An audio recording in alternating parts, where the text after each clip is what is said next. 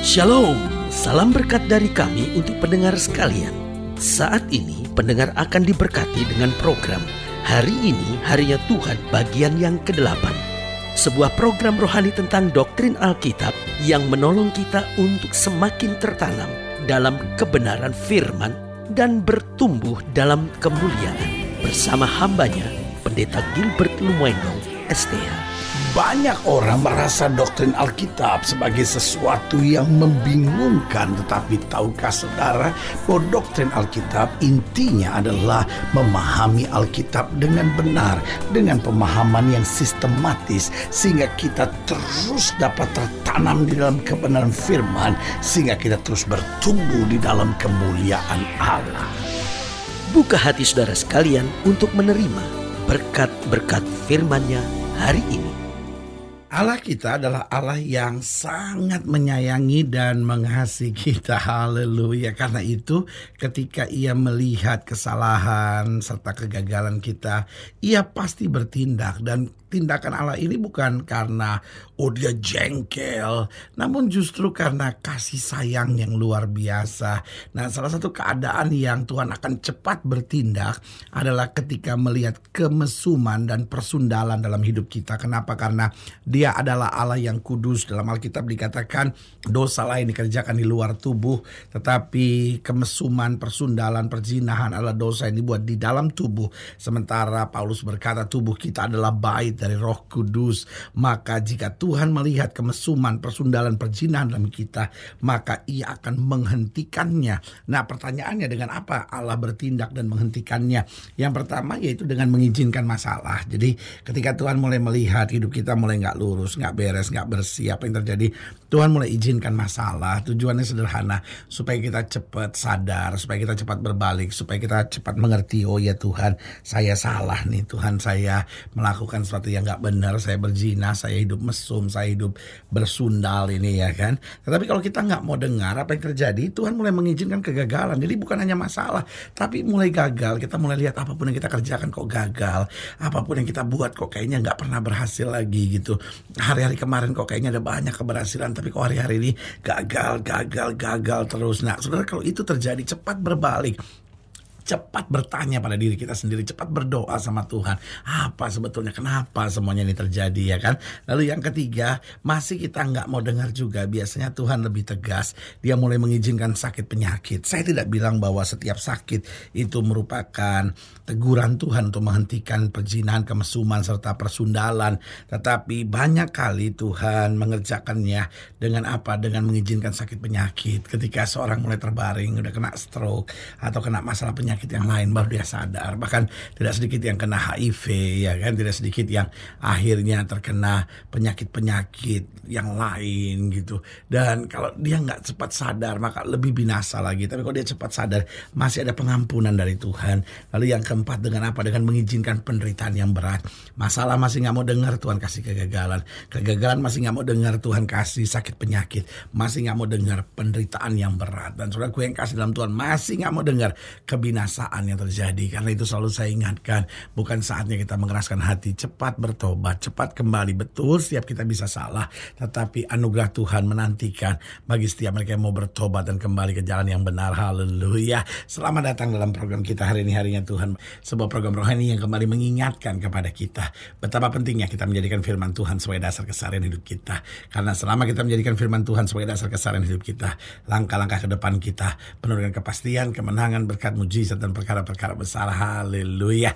Dan dalam program ini kita sedang membahas tentang menghentikan kemesuman dan persundalan.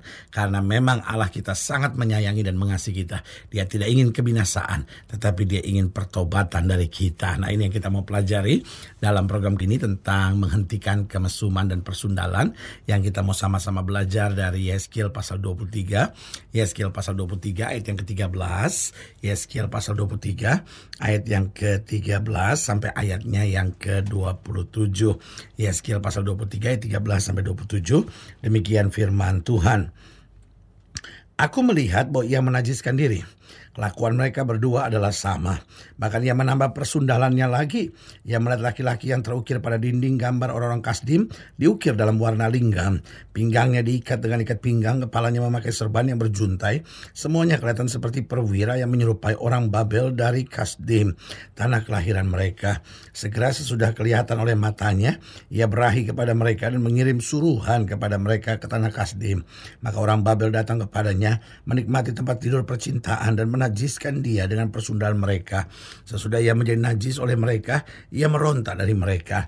Oleh karena ia melakukan persundalannya dengan terang-terangan dan memperlihatkan sendiri auratnya, maka aku menjauhkan diri karena jijik daripadanya. Seperti aku menjauhkan diri dari adiknya. Ia melakukan lebih banyak lagi persundalannya sambil teringat kepada masa mudanya. Waktu ia bersundal di tanah Mesir, ia berahi kepada kawan-kawannya bersundal yang auratnya seperti aurat keledai dan zakarnya seperti zakar kuda. Engkau menginginkan kemesuman masa mudamu waktu orang Mesir memegang-megang dadamu dan menjama-jama susu kegadisanmu. Oleh sebab itu, hai Oholibah, beginilah firman Tuhan Allah. Memang kau sudah menjauhkan dirimu dari kekasih-kekasihmu, tetapi sungguh Aku akan menyuruh mereka bergerak melawan engkau. Aku akan membawa mereka melawan engkau dari sekitarmu. Orang Babel dan semua orang Kasdim, orang Pekod, orang Soa dan orang Koah. Dan semua orang Asyur bersama mereka, pemuda yang ganteng, bupati-bupati dan para penguasa semuanya. Perwira-perwira dan pahlawan-pahlawan perang, pasukan kuda semuanya. Mereka datang melawan engkau dengan banyak kereta dan roda-roda. Dan dengan sekumpulan bangsa-bangsa. Mereka akan menyusun perisai besar dan kecil dan ketopong di sekitarmu melawan engkau. Dan aku akan menyerahkan perkara ini di hadapannya dan mereka akan menghakimi engkau menurut hukum mereka. Aku akan membalaskan cemburuanku kepadamu sehingga mereka memperlakukan engkau dengan kemurkaan. Hidung dan telingamu akan dikerat dan sisamu akan mati rebah oleh pedang. Mereka akan menangkap anak-anakmu lelaki dan perempuan dan sisamu akan dimakan api. Mereka akan menelanjangi engkau dan merampas perhiasan-perhiasanmu. Aku akan membuat engkau menghentikan kemesumanmu dan persundalanmu sejak dari tanah Mesir sehingga engkau tidak lagi melirik kepada mereka dan tidak lagi mengingat-ingat orang Mesir. Saudara yang kasih dalam Tuhan, Ayat yang ke-27 saya mengulangi sekali lagi.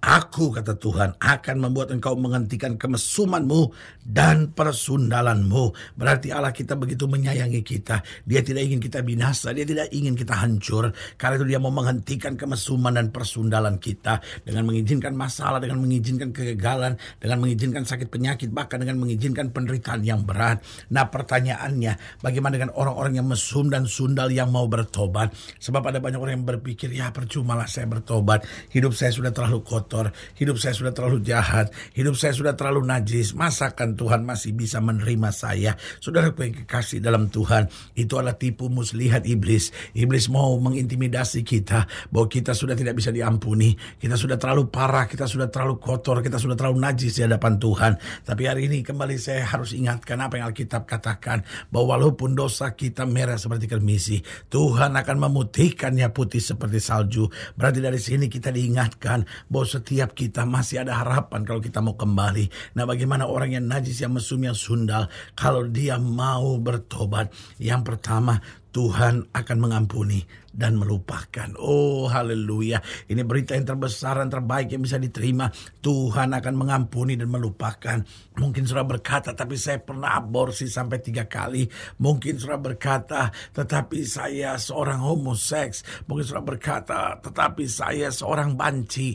Mungkin sudah berkata saya seorang lesbian. Mungkin sudah berkata saya berselingkuh. Saya hamil anak orang. Dan saya paksa dia untuk aborsi. Atau mungkin sudah berkata saya pacaran sama suami orang dan saya jadi istri piaraan atau mungkin sudah berkata saya Saman Levan. Saudaraku yang kekasih dalam Tuhan saya tidak perlu tahu berapa parahnya perjinahan kemesuman serta persundalanmu. Tapi sebagai hamba Allah saya hanya mau ingatkan jika engkau sungguh-sungguh mau bertobat jika saja engkau mau sungguh-sungguh datang pada Tuhan jika saja engkau mau sungguh-sungguh merendahkan hati dan minta ampun atas segala kesalahanmu Tuhan akan mengampuni. Dan bukan hanya mengampuni dia akan melupakan.